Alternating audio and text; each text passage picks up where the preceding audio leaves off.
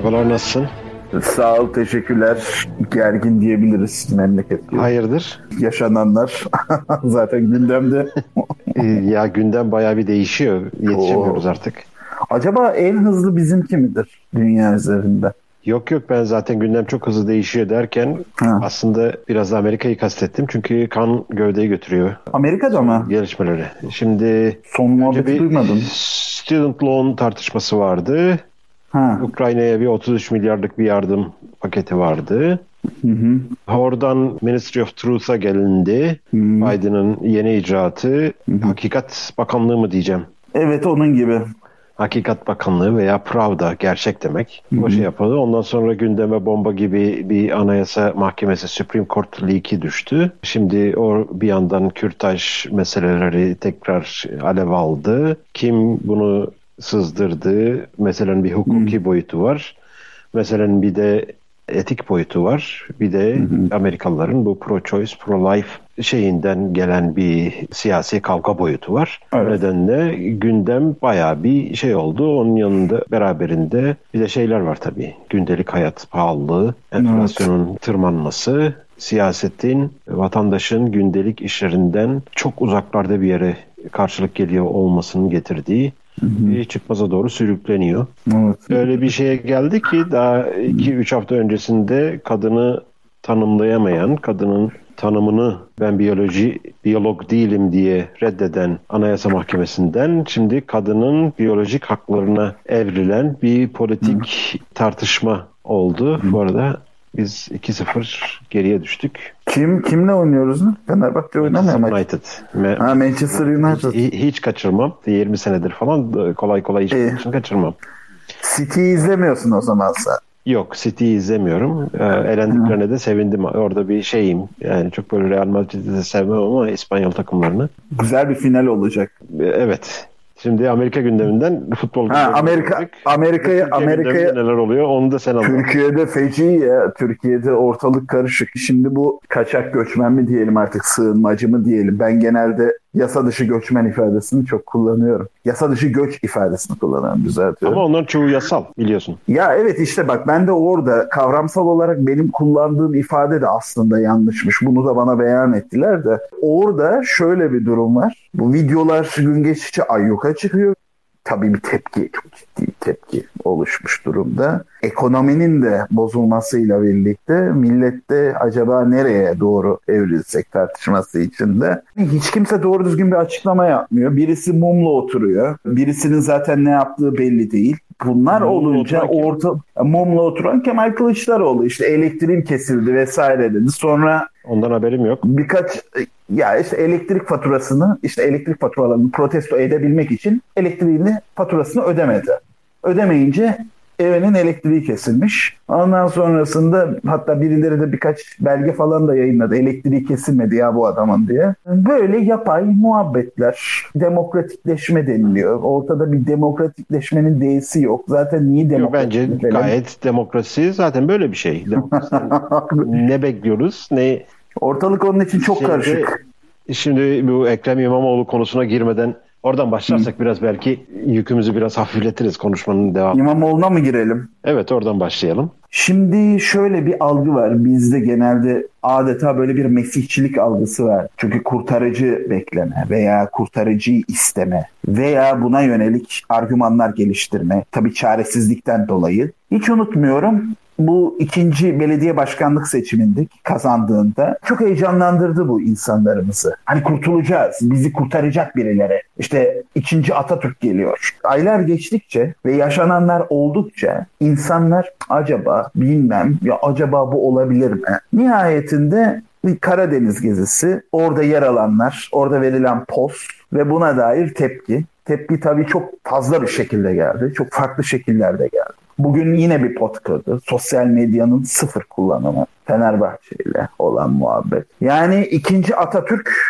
Hafız Hakkı Paşa bile olamadan siyasi arenada yoluna devam ediyor. Bilmiyorum herhalde destekleyenler olur. Bakalım senin dışarıdan görüşün nasıl? Şimdi perde arkasında bir çekişme var. Perde arkasında gizliden gizliye bir aday yarışı. Bu muhalefetin biraz bir seçim kazanma ihtimali ortaya çıkınca kim acaba burada başa güreşecek, kim baş altına güreşecek şeklinde. Zaten bunun tohumları şeyde atılmıştı. Altılı masa vesaire o tarz yerlerde. Geriden öyle bir background'la oluştu bugünkü tablo ve bu tabloda şeylerin Amerikalıların sevdiğim bir şey vardır. Bugün cevap olarak da yazdım. If you wanna be heard, speak up.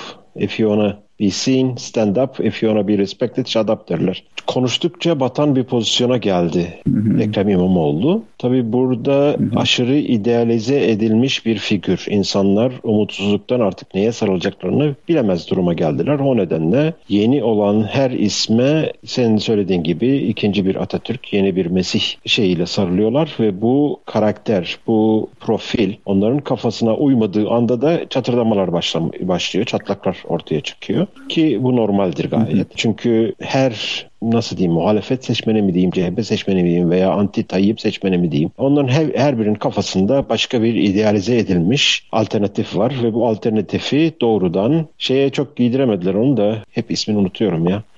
Ek, e, Ekmelettin. Hmm. Onu çok giydiremediler. Ekmek Onda çok bir lider profili yoktu. Ay eyvah eyvah eyvah. Maçımı kapatsam ne yapsam ben izleyemiyorum. 4-0 oldu. Maçı kapat. kapat artık. Yani. Ona giydiremedim. Olan oldu bari. olarak bu şeyde kafalarındaki idealize edilmiş lider tipini çıkan her bir adaya ve sarıldıkları umutsuzluk nedeniyle sarıldıkları her bir adaya giydirme eğilimi var, var insanlar arasında ve burada bu farklılaşınca bu kafada belirlenmiş, idealize edilmiş tipten farklı şeyler ortaya çıkınca bir anda çatırdamalar ortaya çıkıyor. Bu meselenin bir yönü. Diğer yönünde ise şunu bayağı kişi tespit etti yani artık bu demokrasi oyununda adamın senin oyuna ihtiyacı yok zaten. Seni çantada keklik görüyor ve dolayısıyla yeni ava çıkıyor ki Hı-hı. demokrasinin esas şeyi de odur zaten. O median voter'a oynamak bunun Türkçesi tam ne? Ortadaki adama uğrama. Yani biraz daha merkeze çekip payı, o pastadaki payı biraz daha büyütme sevdasıyla işte helalleşme jargonu veya buna benzer her tarafa biraz bir gülü, gülücük atalım. Belki buradan da bir şey alırız. Belki buradan da bir şey şey yaparız. Biraz Allah Kur'an diyelim. Belki onlardan da bir şey kaparız şeklinde. Orada rekabet et, etme isteği. Temelde prensiplerine en azından bağlı olmayı seçen veya bağlı olduğunu düşünen sol tandansı seçmenin de hoşuna gitmiyor tabii bu tarz şeyler. Bunu yapacaksa bunu zaten yapanın aslı var orada. Niye ona giriyorsun? Veya niye bu düzenin içinde omurgasızlıklarıyla nam salmış gazetecilerin üzerinden niye prim yapmaya çalışıyorsun? Şeklinde bir tepki var bu, ki bu gayet doğaldır. Ama demokrasi zaten böyle bir şey. Zaten çantada keklik gördüğün seçmeni artık ne zaman harcarsın ne şey harcarsın. Finansal olarak bir şey harcarsın. Esas şeyin orada 37 ise 38'e çıkartmak için nereden ne alabilirim? Biraz göçmen karşıtı bir şey de mi söyleyebilirim? Ya çok söylersem belki bir şey olur. Onun yanında bu konulara girmeden başka yerlerden nasıl erişebildiğim meyveleri toplayabilirim şeyinde. Bu kavgada tabii şeyin İmamoğlu'nun bir profil, siyaset profili olarak Türkiye'yi yani İstanbul'u kazandı şeydi ama Türkiye'yi kucaklayabilecek bir görüntüsü olduğunu karar verecek veya en azından onu değerlendirebilecek kadar doneye sahip değilim ve kimsenin de ona doneye sahip olduğunu sanmıyorum ki 2019'a kadar bilmediğimiz bir figürdür. figürdü. 2018 mi 2019 mu ne zamandı bilmiyorum. 2019'du. Çok bilinen bir figür değildi. O nedenle hani buradan bu idealize edilmiş tipe yakın bir profil çıkar mı meselesinde herkesin kafasında bir soru işareti vardı ama kimse, kimse bu soru işareti işareti dillendirmeye cesaret edemiyordu. Bütün bunların gerisinde de bu altılı masa problemi yani ben o zaman bir tweet atmıştım hatırlıyor musun bilmiyorum. 1 artı 1 artı 1 artı 1 artı 1 eşittir. Ha evet evet. Aa, ha. Bu da küçüktür eksi 1 diye böyle bir matematiksel şeyleri normlara tamamen e, ters çeviren bir tweet atmıştım o zamanında. Onun anlamı da şu o masanın etrafındaki 6 kişi buna Ekrem İmamoğlu da dahil diğer Muharrem İnceleri de dahil şunları da dahil bunları da dahil başka lider profili olabilecek herkes de dahil. Bunların iki ortak özelliği var. Bir tanesi korku, bir tanesi de iştah. Şimdi korku meselesi evet. şu, hiçbirisi doğrudan 20 yıldır seçim kazanmış bir profilin karşısına çıkıp yenilip daha sonra isimlerinin tamamen unutulmasını istemiyor. Buradan kimi kastettiğim belli zannedersem. Daha önce başa baş bu profilin karşısına çıkanlar işte Muharrem İnce'dir, Ekmelettin'dir. Bunların siyasi kariyerleri sona erdi. Şimdi hiçbirisi o cesareti gösteremiyor ve veya en azından ya adaylık bana kalır da ben yenilir de siyasi kariyerim biterse korkusuyla bir titreme halindeler. Dolayısıyla şöyle mi yapsak da böyle mi yapsak da şeklinde salon politikacıları veya yuvarlak masa politikacılığından öteye gidemiyorlar. Burada zannedersem İmamoğlu'nun biraz öne çıkma gayreti veya öne çıkma hevesi meselenin bu bak açısına biraz şey yapıyor. Onların arasındaki o korkaklığı sezdi zannedersem. Şimdi bu korkaklığın gerisinde aslında bu korkaklığı besleyen de bir şey. ikinci faktör ortak özelliği dedim iştah. Şimdi bu iştah iki şeye şey yapıyor. Birincisi olur da seçimde bir galibiyet gelirse buradan pay alma hevesi. Çünkü hiçbirisi tek başına kazanamayacak. Bir koalisyon veya bir bölüşüm masasına oturacaklar. Bu masada ben nasıl pay alabilirim? Bu payı nasıl garanti edebilirim? Eğer şu anda çok sivri bir şeyler şey yapmazsam seçimden sonra benim payım garanti olabilir. Bu birincisi. İkincisi eğer seçimi beklendiği gibi muhalefet değil de gene iktidar tarafı kazanırsa iktidar tarafının da tek başına gene kazanamayacağı belli.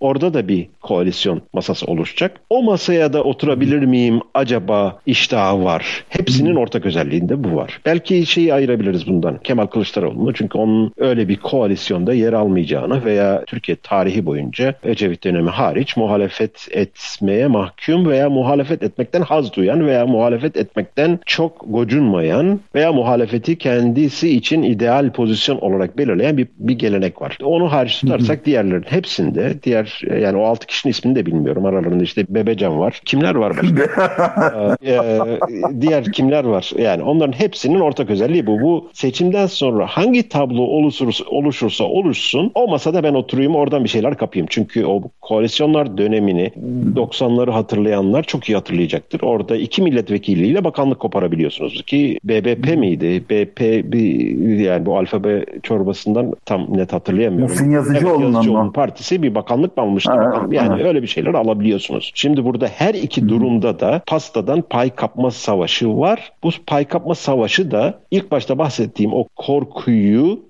perçinleyen bir şey. O yani ne gerek var şimdi öyle riski alıp şey yapayım. Bekleyeyim, göreyim. Ona göre ben zaten seçimden sonra buradan payımı alırım. Bir çalışma bakanlığı alırım, bir şey alırım. Bir koalisyondan bir şey Hı-hı. alırım şeyiyle öbür taraftaki benefit tarafında veya expected benefit diyeyim. Beklenen Hı-hı. pay şeyini riske atmaya kimsenin gücü şey yapmıyor ki buna şey de dahil buna. Kimdi o kadın? Ağar'ın şeyi. Tansu Çiller mi e, e, Mehmet Ağar'ın be, Meral Me, Meral Akşener mi? Evet.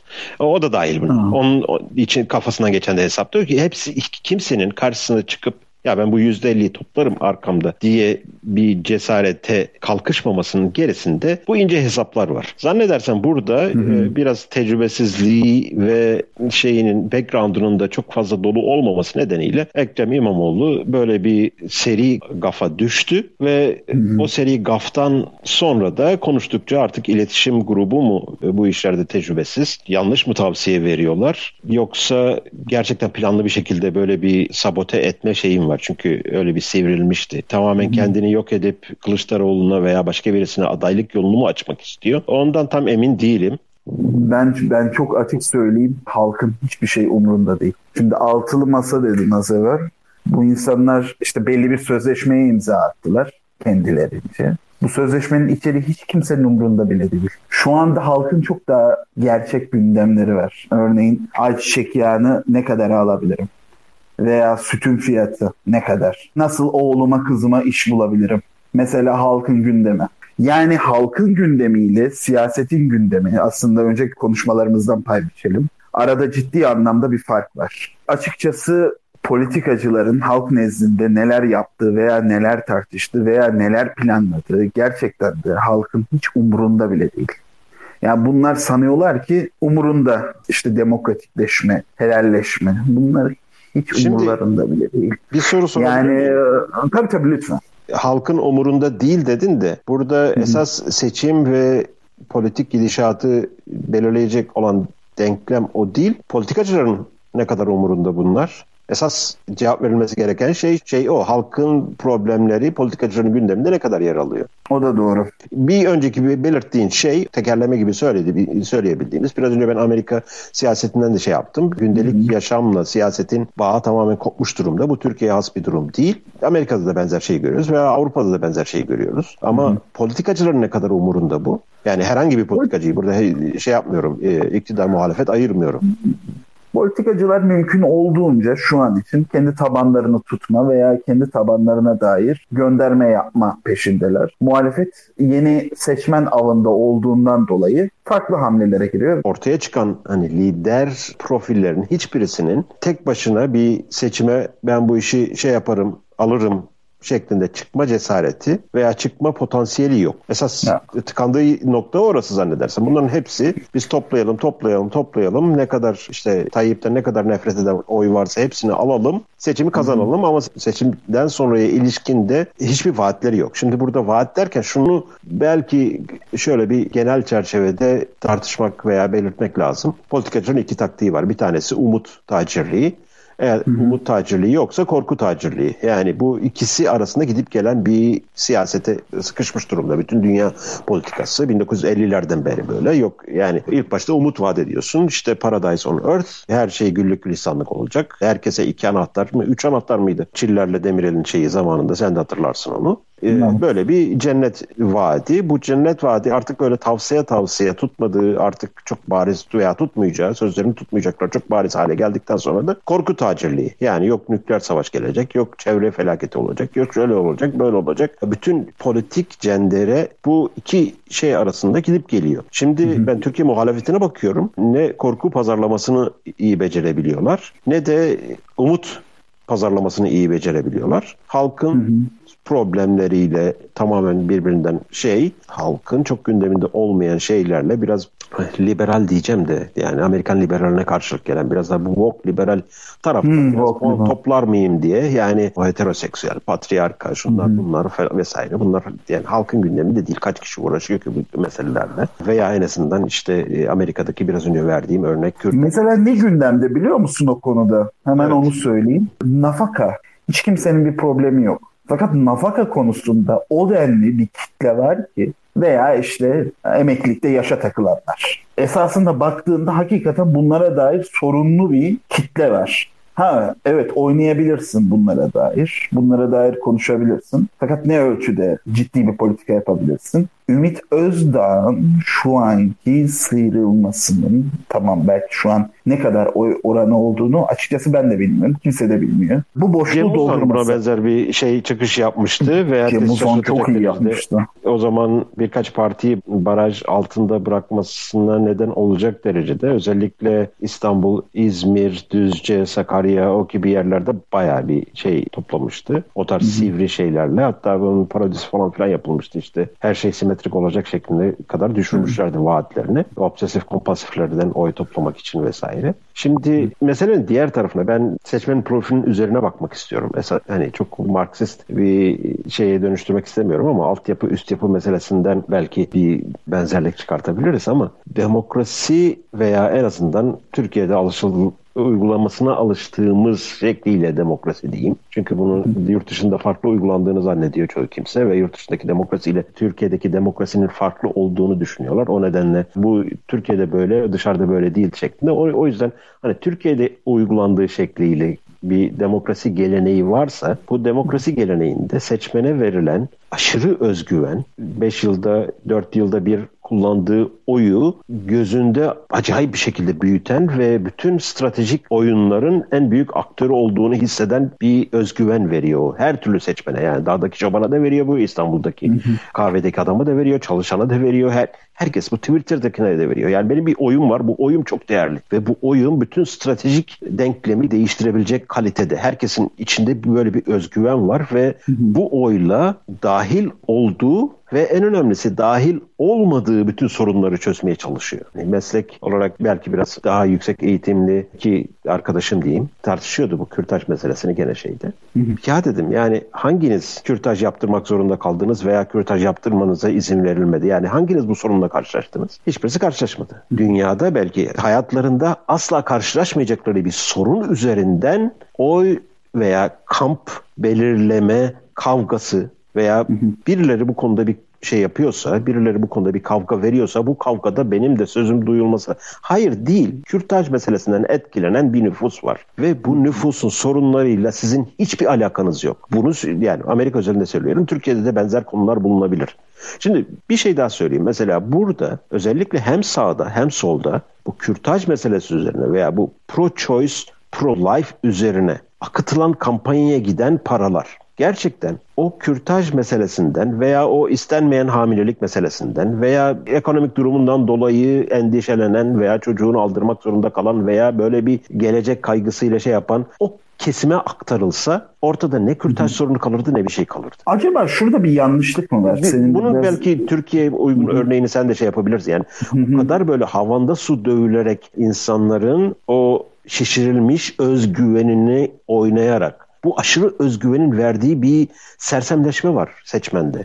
Ya bu sersemleşme nedeniyle alakalı olup olmadığı her konunun çözümünün kendi oyunda bittiğini zanneden bir şey var. Yani böyle bir özgüven var. Esas problem de burada zannedersem. Evet. O biraz da hani bu Hobbes'un özellikle kafa patlattığı yetki verenle sahip olmak diye bir kavram var. O ikiye ayırır. Temsili. Orada da bir karmaşa olduğunu hissetmiyor musun? Evet ben oyun var. Bir oyun Evet. Ve burada ben çok önemliyim. Ben merkezim gibi. Burada da bir karmaşa yok mu aslında? Temsili işte, anlamda orada, bahsediyorum. Oradaki o önem büyük bir yanılsama. O şeyde temsili olarak da Hobbes'tan yola çıkarsak veya onun devamında işte Russo ile bu sosyal sözleşme eğer sosyal sözleşme olmazsa kurt kurdu öldürür işte insan birbirini kurdudur şeklindeki önermelerin hepsi felsefi olarak tat veren tartışmalar. Ama dünya tarihinde hiçbir devlet öyle sosyal sözleşmeyle falan filan kurulmamıştır kardeşim. Yani devletlerin iki tür kurulma şekli vardır. Ya conquest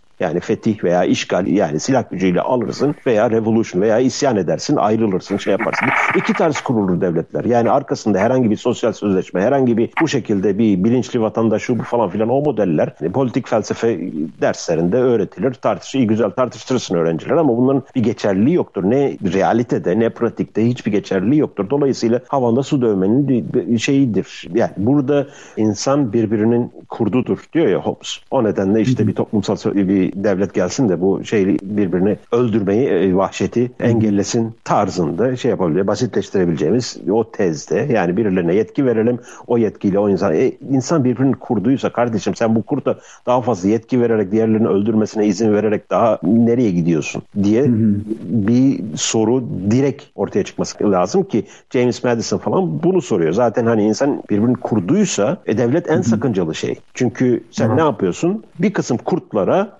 ekstra güç veriyorsun. Ekstra hukuk gücü veriyorsun, silah gücü veriyorsun. Bunlara müteammiden sorgusuz sualsiz adam öldürme yetkisi veriyorsun ki Max Weber'in söylediği evet. monopoldür. Yani legitimate veya meşru şiddeti uygulayabilecek tek erk olarak tanıyorsun bunu ve insan birbirini kurduysa gerçekten o zaman yaptığın çok büyük bir vahşete yol açacak ki bunun yol açtığını da görüyoruz zaten.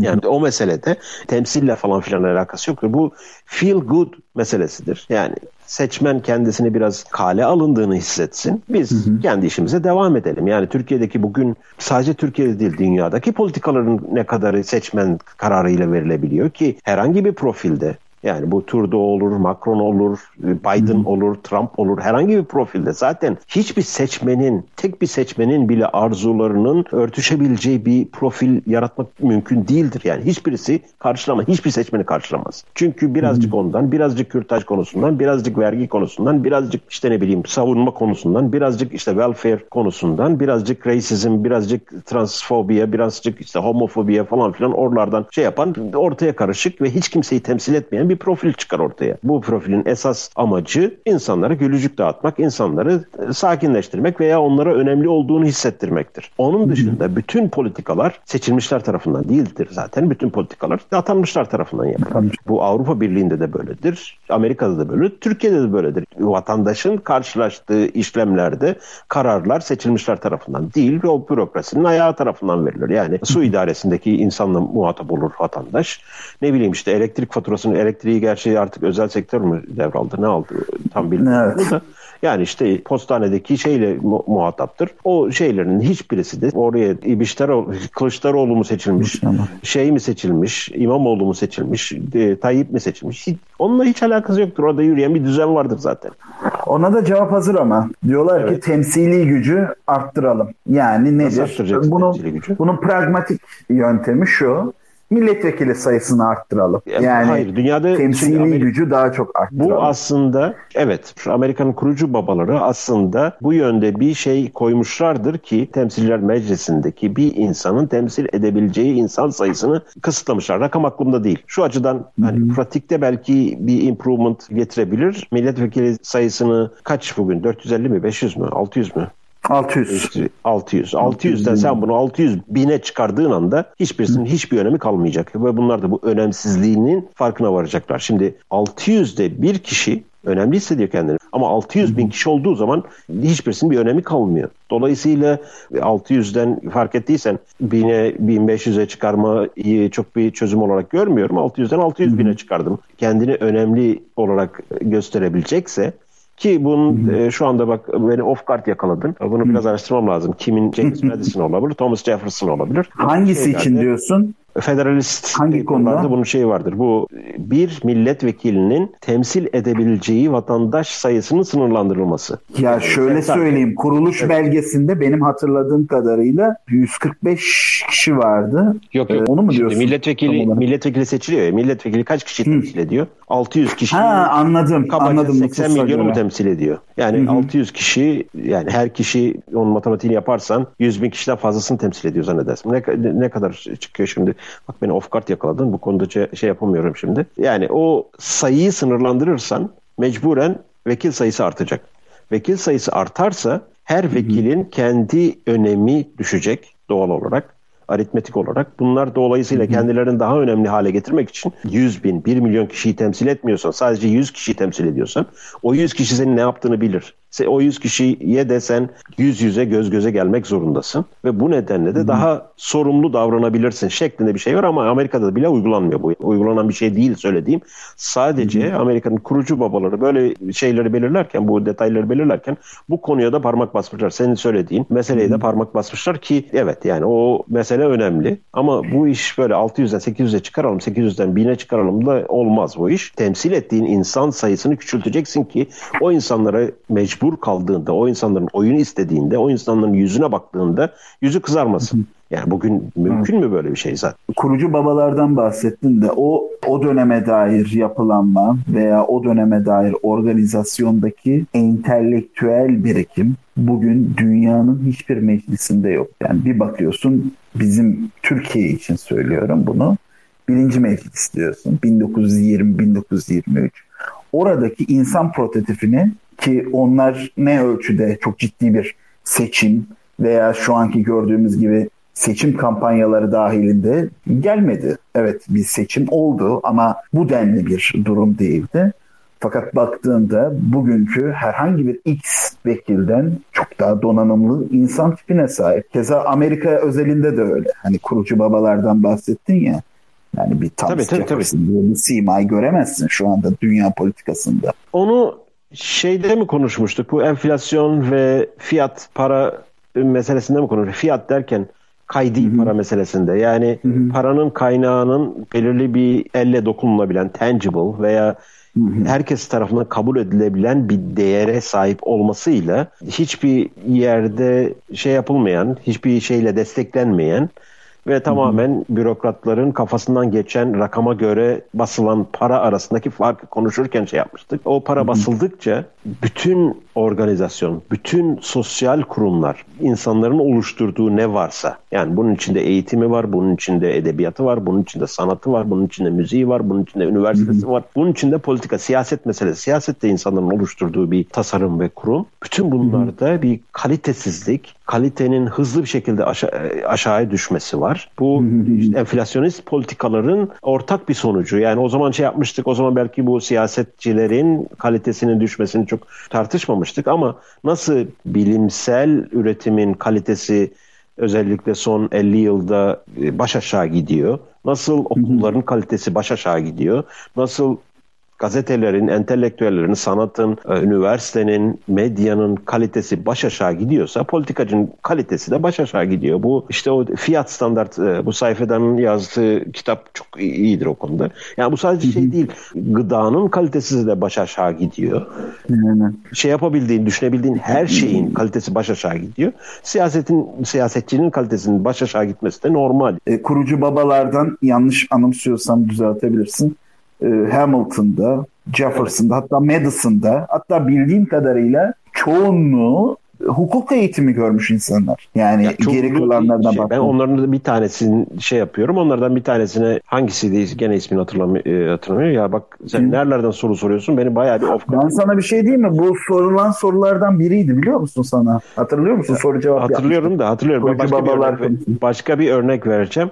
O kurucu Hı. babalardan değil de sonraki başkanlardan bir tanesine soruyorlar hatırasında veya hatıratında yazıyor. Kim? Elde ettiğiniz işte ismini hatırlayamıyorum. Hangisiydi hatırlamıyorum. Hangi dönem olduğunu söylersen belki. İşte hangi onu hatırlamıyorum tam olarak da şunu söyleyeceğim sen dediğine destek olması açısından ama bulurum onun şeyini. Hı. En gurur duyduğunuz pozisyonunuz hakkında yorum yapın dediği zaman başkanlığı söylemiyor adam. Supreme Court Justice'liğini söylüyor. Yani Abraham Lincoln olabilir mi? Efendim? Yok olamaz Abraham Lincoln. Abraham Lincoln. Yok yok değil. Değil. Abraham Lincoln aşağılık bir politikacıydı. O değil. Daha sonra şey yaparsam sana söylerim. Uf, ne konuşuyorduk ya? Nereden nereye geldik? Maska Neyse. geleceğiz az sonra. Dinliyorlarsa. Bu ara hayır dinleyiciler dinleyicilerimiz şöyle bir durum var. Yani Kemal Kılıçdaroğlu ve Ekmelettin deyince sayı tavan yaptı. Biz esas bildiğimiz konuları konuşunca taban indi. yani böyle bir tezatlık var bizim. Yok ya biz gene döneriz Kemal Kılıçdaroğlu şey. Çok şey yaptığımız, uyguladığımız bir şey değil ama özellikle soru ve kısa yorum varsa onları alabiliriz. Böyle şey yapayım. Biraz uzattık zaten. Biz hı hı. siyasetten girdik. Aslında ben biraz Amerika siyasetini konuşacaktım ama ona hiç fırsat olmadı. Onun Konuş, konuşabiliriz. Türkiye siyasetine döndük. Oradan da nereden girdiysek gene tarih konularına girdik. Maska girelim mi? Ben hemen sana sorayım. Hiç evet. hiç çevirmeden soruyorum direkt. Evet.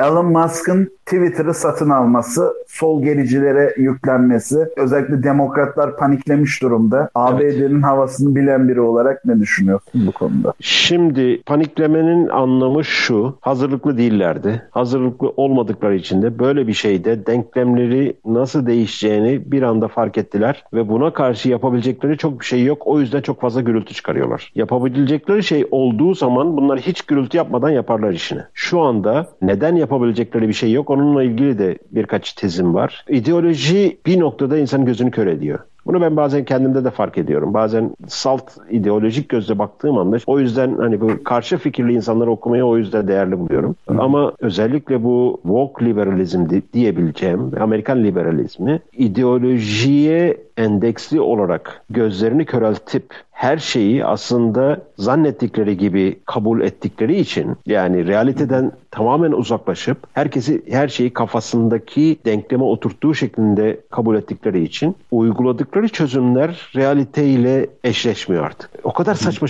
sapan şeyler var ki yani işte ilkokul çocuklarına transseksüelizmden ne bileyim işte yani izleyiciler af buyursunlar ama şey yapan bu işte. Bunun şeyi var yani ilkokul ikinci, üçüncü sınıftaki insana da yapmayın bunu. Yani bu tarz şeyleri yapmayın. Sen işte penisini kesebilirsin Hı. aslında erkek olabilirsin diyor. Yani bu tarz şeylerin şeyi değil, yaşı değil. Evet, ee, bu tarz evet. şeyleri gerçekten insanların buna prim vereceğini ve insanların bu yani buna ihtiyacı olduğunu düşünüp gerçekten bu kadar uzaklaşmış bir durumda. Hatta öyle komik şeyler şey yaptım ki şeyde sen de görmüşsün MSNBC'den e, klipleri. ya diyor şimdi Twitter'ı Elon Musk aldı diyor. Biz diyor orada diyor bir başkanın adayını diyor yasaklarsa diyor bazı hikayelerin e, şeyini yayınlanmasına izin vermezse ne olacak diyor ki Hepsini yaşadık biz. E yani hepsini Trump'a alenen darbe yaptılar yani. Şimdi bu o yaşanmışlığı bile yok sayıyor artık. Yani böyle bir şeyin hipotetik olarak konuşuyor ki gerçeği var. Yani bunun gerçeğini gördükten sonra hipotetik örnek vermesi gerçeklikten ne kadar uzaklaştığını da gösteriyor bir noktada. Orada bu gerçeklik gerçekleştikten gerçeklerden uzaklaştıkları için buna karşı ellerinde bir şey yok, tool yok. Böyle bir şeye karşı respons veremiyorlar ve nasıl olabilir böyle bir şey onu anlayamıyorlar ve Elon Musk'ın şeyi aslında orada çok fazla kredi de vermek istemiyorum. Elon Musk sonuçta benim çok beğendiğim, çok bayraklaştırılabilecek bir profil değil. Yani şimdi söylediklerimizi denetleyip şey yapıyor mu bilmiyorum da Şimdi odayı da kapatmasın ama gerçi söz verdi. Arif Bey soru için Arif evet. Bey'i bir soru için hatta aldım şu anda. E, şunu tamamlayayım ondan sonra geçelim bu şeylere. Tamam tamam. Ne diyordum? En azından bunun ne tetiklediği bu rahatsızlık bir hmm. şey verdi insanlara. Ya ne oluyor? hissi verdi ve buna karşı geliştirdikleri otomatik bir tool, otomatik bir çözüm aracı olmadığı için de bir anda yaygaraya başladılar ki Normalde eğer buna karşı hazırlıklı olsalar ve ellerinde araç Hı-hı. oldukları zaman hiç yaygara yapmazlar. Direkt zaten e, pat pat pat, pat şeyi görürsün. Hı-hı. O yüzden o silkelenme iyi benim şeyimde ama diğer taraftan Elon Musk'ın devlette ne kadar sübvansiyon aldığı, ne kadar şey yaptığı, bu şeylerin gerisinde Hı-hı. ne kadar şey olduğu ki aslında başka bir teori daha burada orta, ortaya atayım. Benim teorim değil. Sadece duyduğum ve ilginç, ilginç geldiği için Elon Musk Tesla'yı elinden çıkartmak için bahane arıyordu. Twitter'ı bunun için kullanıyor hmm. diyeni de duydum. Evet Arif Bey kusura evet. bakmayın sizi çok beklettik. Evet buyurun lütfen. E, merhabalar, iyi akşamlar olsun Tolga Bey. Bir gazeteci olarak burada söylemek istediğim birkaç bir şey var. Medyanın merkez medyada diğer taraflarda da çalışmış biri olarak. Bu bütün konuşmalar, dünden beri yapılan tartışmalar, İmamoğlu'nun çıkışı vesaire bunların tamamını aslında genel olarak baktığımızda medyanın çöküşünün bizi bu noktaya getirdiğini, siyasilerin de bu çöküşle birlikte aslında siyasetin de çöktüğünü düşünüyorum ben en azından kendi adıma. Kutsallaştırılan şeyler var. Siyasal İslam'ı temsil ettiğini söyleyenlerle seküler kesimin medyasında da aynı şeyler var. Maalesef üzülerek görüyorum ki 16-17 yıldır bu mesleğin içindeyim. İnanılmaz katı doğruları var her iki tarafında kendi açısından. Bugün geldiğimiz noktada siyasetin de değişiyor olduğunu düşünüyorum. Gençlerin asosyal, apolitik olarak adlandırılan gençlerin de aslında bundan sonra daha çok yön vereceğini düşünüyorum. Bu, bunu nereden çıkarıyorum? Artık bir partisizleşme durumları var gençlerin. Partilerin üstünde düşünüyorlar. Bu konuştuğumuz bütün bu sıkıntılara baktığımızda son 20 yılda AKP hükümetiyle birlikte yaşadıklarımıza baktığımızda geldiğimiz süreçte medyanın çöküşünün bu işi hızlandırdığını Nagihan Alçı'nın fotoğrafı üzerinden yapılan tartışmalar var. Bunun bu şekilde sonuçlanmayacağı ortada. Benim düşüncem bana göre bu seçime bir hazırlık. Herkes kendine bir saf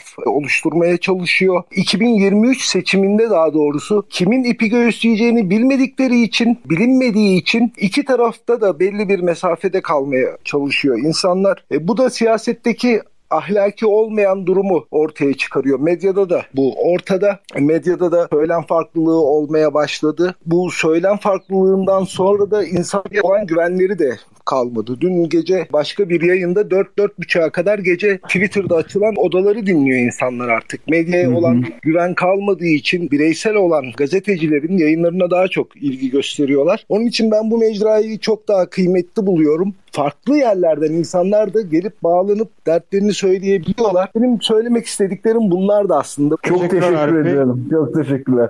Ben bir ek yapayım istersen ters açı sen de o konuda bir şeyler söyle. Yani bu mainstream medyanın içine düştüğü çaresizlik nedeniyle aslında farklı alternatifleri insanlar arıyorlar ve bu farklı alternatifleri aradığımız için biz de farklı mecralara doğru gidiyoruz. Yanılıyor muyum? Şimdi orada Arif Bey'e teşekkürler. Çoğunluk sayabileceğim bir kesim tarafından dile getirilen, içinde doğruları da barındıran epey bir görüş şey yap. Bir, bir iki ekleme yapacağım sadece. Katıldığım yerler olmakla birlikte medyanın çöküşü bana biraz abartılı bir kavram gibi geldi. Medya aslında hep çirkefti. Siyasete bulaştığı andan itibaren de. Günaydınları hatırlarsanız. Özal'ın bu Kıbrıslı kimdi? Tercümanı mı diyorsun? E, tercümanı vardı. Yok bir Kıbrıslı bir İngiltere'den birisi vardı. Bu Günaydın mıydı? Hmm. Yani o tarz besleme medya aslında hep vardı. Türkiye tarihinde de var. Bu Avrupa tarihinde de var. Amerika tarihinde. İnsanlık tarihi yani. İnsanlık tarihinde de var. Şeyde Philadelphia'da o dönemde baskılanan, kapatılan gazeteleri falan filan bakarsanız 200 sene öncesinden bahsediyorum. Yani bu ifade özgürlüğü, de, de, demokrasiyle siyaset böyle gelişir vesaire tarzındaki masallara çok aykırı bir şekilde medya aslında hep böyle bir çirkef haldeydi ama bugünün teknolojisiyle bunu insanların görmesi biraz daha hızlandı diyebilirim. Böyle bir ek yapabilirim sizin dediğinize. İkincisi de medya siyaseti çökertmedi. Siyaset bulaştığı her şeyi dejenere ettiği için medyayı da dejenere ediyor. Eğer siyasetten bağımsız bir medya geliştirilebilirse siyasette nasıl olabilir bilmiyorum. Onun yaşamasına izin verirler mi bilmiyorum. Ki orada Elon Musk meselesi de biraz aslında oraya tanjant geçiyor. Şu anlamda tanjant geçiyor. Ana akım veya bildiğimiz o teknokratik monopollerden, tekellerden biraz daha bağımsız bir profil sundu sanki gibi böyle bir hava verdi. Bu nasıl etkileyecek? Siyasetin güdümüyle çok kontrol edemeyeceğiniz bir erk siyasetin çok seveceği bir şey değildir. Buna karşı nasıl bir silah geliştirecek? Siyaset medyayı yatağına aldığı günden beri yani siyaset medyanın içine girdiği andan itibaren medyayı dejenere edecektir. Etmiştir de ve medyanın bu hali çok çöküş değil. Medyanın aslında bildiğimiz şeyler. Yani Ertuğrul Özkök oraya nasıl indi? Doğan Medya değildi. Milliyetin başına mı gelmişti Ertuğrul Özkök? İlk öyle gelmişti. Sonra Yok Hürriyet'in. Hürriyet'in, yani, Hürriyet'in. Evet. Yani o zaman işte Özal'ın prensleridir, şudur budur. Yani bu çirkef hal hep vardı ama hakimiyet, reklam pastası, yayın pastası, ondan sonra reytingler çıktı özel televizyonların kurulmasıyla. Bütün bunlar şeyde. Arif Bey 15 sene dedi. Ben medyayı biraz daha uzun bir süredir izlediğim için bunu rahatlıkla söyleyebiliyorum. Medya her zaman çirkefti. Her zaman paralı işler, e, paralı haberler, imaj e, üzerinden şeyler yürütülürdü. Bugün artık biraz daha bu bağımsız mecralar yaygınlaştığı için belki insanlar biraz daha e, alternatif kanallara yönlenme imkanına sahipler. Burada tehlikeli bir şey var. Biraz önce benim bahsettiğim gençlerin ve doğal olarak bütün seçmenlerin o şişirdikleri özgüven, o yalancı özgüven, o sanki siyasi fikirlerinin veya siyasi katkılarının çok bir değeri varmış, çok önemi varmış gibi oluşturdukları özgüveni ben tehlikeli buluyorum. Reel dünyayla ve realiteyle daha dirsek temaslı bir bakış açısı özellikle gençler açısından daha faydalı olacaktır diye düşünüyorum. Bizde şey vardır. Cemal Paşa yurt dışına çıkarken para veriyor. Yani evet. bir miktar para veriyor. Diyor ki bakın ben yurt dışına çıkacağım. Şu şu şu gazeteciye verin ki arkamdan aleyhime yazı yazmasınlar diyor uzun zamandır denemediğimiz bir şey yapıyoruz. Ee, evet. Tanımadığımız kişilere söz veriyoruz. söz Umarız veriyoruz. başımız belaya Kusura bakmasınlar lütfen. Kötü deneyimlerimiz olduğundan dolayı. Buyurun. Evet, buyurun. Etrafı. Ha, merhabalar. Güzel sohbet. Teşekkürler.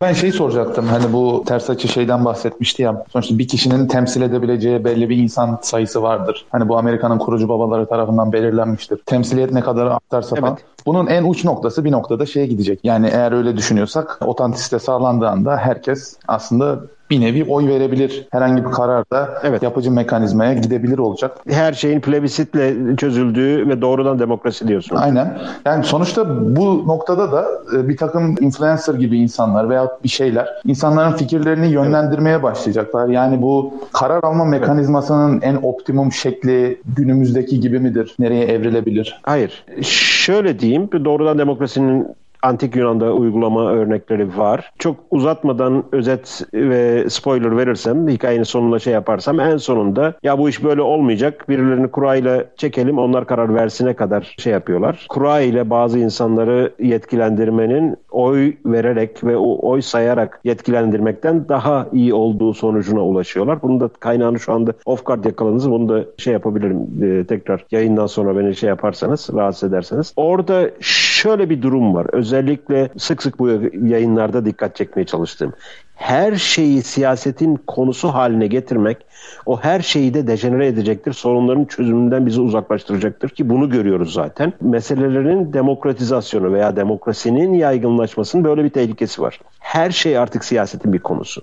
Eğitim siyasetin bir konusu, doktora gitmem siyasetin bir konusu, evlenmem siyasetin bir konusu, çocuğumu ne yedireceğim, ne içireceğim onun bir konusu, kendi yediğim her şey siyaset bu böyle olmaması lazım. Yani siyaset belirli olarak şey olarak insan ilişkileri içinde var olan anlaşmazlıkların çözüm yöntemini en uygun olarak nasıl bulabiliriz bu şeyde? Bu sorunların artırılma, artırılması üzerine endekslenen bir siyaset ki demokrasinin doğası itibariyle bu sorunun artması demokratik taraftarlığı geliştireceği için demokrasi bu sorunları gitgide artırır. Emperyal bir bakış açısıyla bütün sorunları kendi içine dahil etmek ister. Orada iki kişi kendi sorununu çözdüyse oraya müdahale etmek ister. Bu çok tehlikeli. O alanı kısıtlayabilirsek yani sen nasıl diyeyim yani sen kardeşim şu şeyden sen sübvansiyon almışsın senin bu konuda oy verme karar verme senin bu konudaki tartışmalara katılma hakkın yok. Sen bu, çünkü burada bir çıkar sahibisin. Sen burada bir çıkar çatışması içindesin. Senin bu konuda bir karar vermeye herhangi bir şekilde katılamazsın. Burada karar vermeye katılacak olanlar bu işin yükünü çekenler. Bu sübvansiyonun maliyeti kimin üzerine biniyorsa onlar karar versin dediğiniz anda meseleler biraz daha ayırt edilecektir. Yani bu nasıl olabilir? Herkesin haklarının korunduğu, en azından özgürlüklerinin korunduğu, insanların serbest bir şekilde davranışlarını belirleyebildiği, özgür bir şekilde davranışlarını belirleyebildiği bir şeydedir. Burada da ben tekrar şey yapayım. Demokratik, demokrasiye çok sempatiyle bakan bir insan değilim ve demokrasiyi özgürlüğün önündeki en büyük tehdit olarak defalarca e, eğer takip ediyorsanız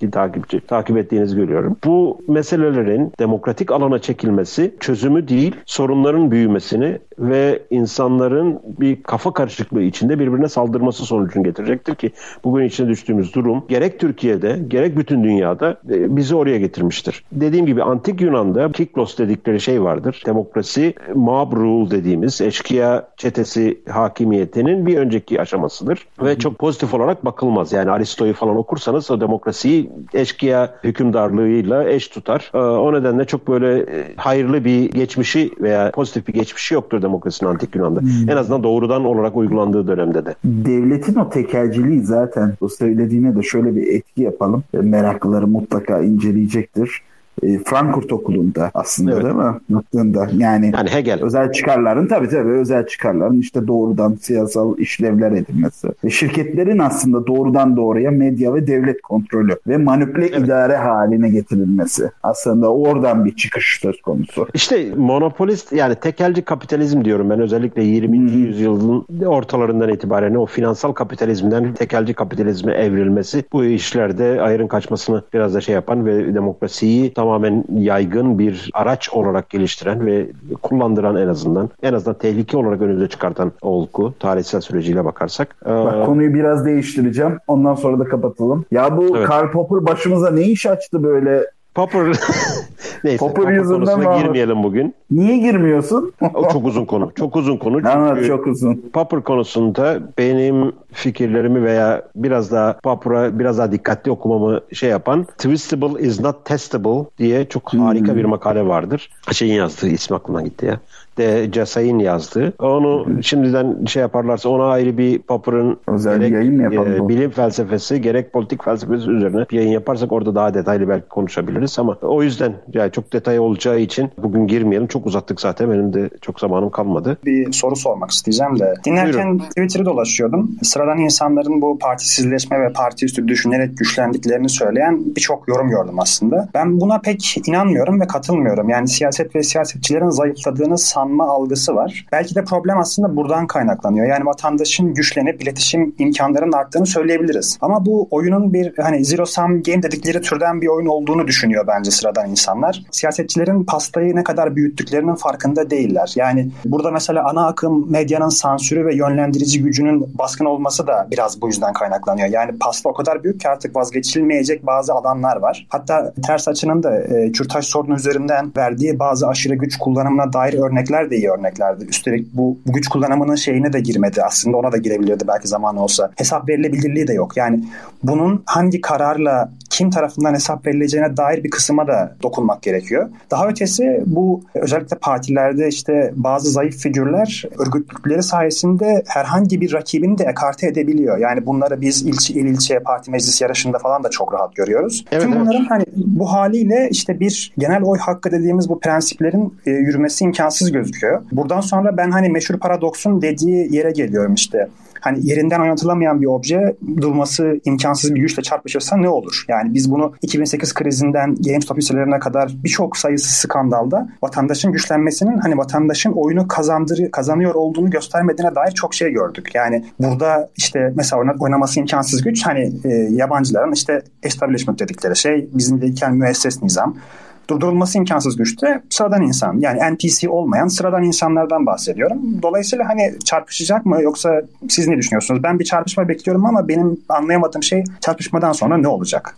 Evet evet şimdi çarpışma meselesinde hem fikiriz bir de insanların siyasete angaje olması ve bu angaje oldukları durumu farklı araçlarla daha geniş bir kesime aktarabilmeleri aslında çok istenen sonucu çok seslilik ve bu sesliliğin oluşturduğu bir harmoniye yol açmıyor. Tıpkı İspanyol Engizisyon'daki gibi hmm. tıpkı o orta çağ dediğimiz dönemden matbaayla o iletişimin verdiği hazla yeni çağ yeni çağ mı deniyor yakın çağ mı deniyor işte o Rönesans sonrası din savaşları o cadı avları hep bu şeyle mezhep olmuştu. Savaşı. Yani mezhep savaşları en kanlı mezhep savaşları aslında bu matbaanın icadından ve bu iletişim teknolojisindeki artıştan sonra olmuştur ki benzer bir algoritmada burada Twitter üzerinde şey yapıyor. Her ne kadar siz mücadele etseniz de Twitter dönüyor dolaşıyor sizinle aynı fikirde olabileceğini düşündüğü insanları size tavsiye ediyor. Facebook senin arkadaşının arkadaşı ve aynı sos siyasal renklere sahip insanları seninle arkadaşlık kurduruyor veya çevren o şekilde oluşuyor ve ortanın boşaldığı, ekstremlerin yoğunlaştığı yani çift hörgüçlü bir dağılım doğru gidiyoruz. Bu çift örgüsü dağılım e, o kadar böyle şiddet, şiddetli bir hal aldı ki artık böyle iki taraf birbiriyle konuşmayı reddediyor gibi. İki taraf bırakın konuşmayı iki taraf birbirini insan olarak görmüyor artık. Yani benim sağımdaysa faşisttir, benim solumdaysa komünisttir. Anlayışı artık her yerde var. Ve bu sosyal medyada bunu daha fazla körüklüyor ve bu noktada devletle vatandaş veya devletle insan arasındaki bir çarpışmaya ek olarak aslında insanlar arasında bu iki kampın arasında da çok istemesek de bir kanlı bir çarpışmaya doğru hızla yol alıyoruz gibime geliyor. Tabii burada şeyde söylediğiniz haklı. Özellikle o tekelci monopolizm veya devlet bu şeyleri oyunun kurallarını kurduktan sonra siyasetin kuralları bellidir. İlçe seçimlerinde de aynıdır. Meclis seçimlerinde de aynıdır. Ne bileyim işte komiteye e, aday seçimlerinde de aynıdır. Herkes birbirinin ayağını kaydırmak ve herkes bir üst basamağa nasıl çıkabilirim? Bir veya en azından buradaki geleceğimi nasıl garanti altına alabilirim üzerinden şey yapar ve bunun en şey yollarından bir tanesi bu oylama sisteminin verdiği ortaya çıkardığı mekanizma nedeniyle %50 artı 1'in üzerindeki her oy israftır. Çünkü sana %50 artı bir yettiği anda sen o ekstra bir kişiye kazanacağın şey senin için yeni bir zafer getirmeyecektir. Halbuki o ekstra ne bileyim %51 yerine %56'ya hedeflersen oradaki %5 aslında senin için israftır. Sen bunu aslında kendi kronilerine, kendi akrabalarına, kendi yandaşlarına, kendi medyana aktarabilirsin. Dolayısıyla o %50 artı 1'de tutmak önemlidir. Şey çok sürpriz gelmedi bana. Özellikle AKP'nin %50 nokta bilmem neye ulaştıktan sonra bir anda cozutması çok sürpriz gelmedi. Çünkü gerisi israf. yani o yeterli evet, çünkü. Çok doğru çünkü hani mesela İmamoğlu'nun Nagihan Alçı transferi de bence öyle bir şey ve bunu en ucuz maliyetle yapmak istediği için kendisinde ait evet, olan tabii hani ki. pahalı tabii seçmen ki. kitlesini elden çıkartıyor. Onlara siz zaten bir avuç marjinalsiniz diyor. Çünkü bunlar ağır bir bagaj. Yani bu seçmen kitlesi kolay memnun edilebilir değil. Ama Nagihan Alçı'nın ve onların tarafı çok daha ucuz maliyetli bir seçmen kitlesi. Çok haklısınız. Çok doğru bir analiz. Tabii Onu ki. söylemeden geçmek istemedim yani. Tabii ki. Tabii ki. Çok teşekkürler bu arada soru için. Evet, ee, çok çok teşekkürler. Bakıyorum ama şu anda. da kapatalım. Uzattık baya. Benim maçım da bitti. 4-0 yeni. Evet sen Manchester'da evet. Bu ara işler Karl Popper'ı mutlaka konuşalım. Tamam. Burada çok güncel politika konuştuk. O güncel politika kısımlarını e, atıp belki tarih kısmını bir tekrar yayınlarım. Dinleyen herkese sabırlar için teşekkür edelim. Bir başka evet. yayında görüşmek üzere. Görüşmek üzere herkese. Soru soranlar, dinleyenler. Çok teşekkürler. Herkese iyi akşamlar, iyi pazarlar. İyi akşamlar, iyi pazarlar.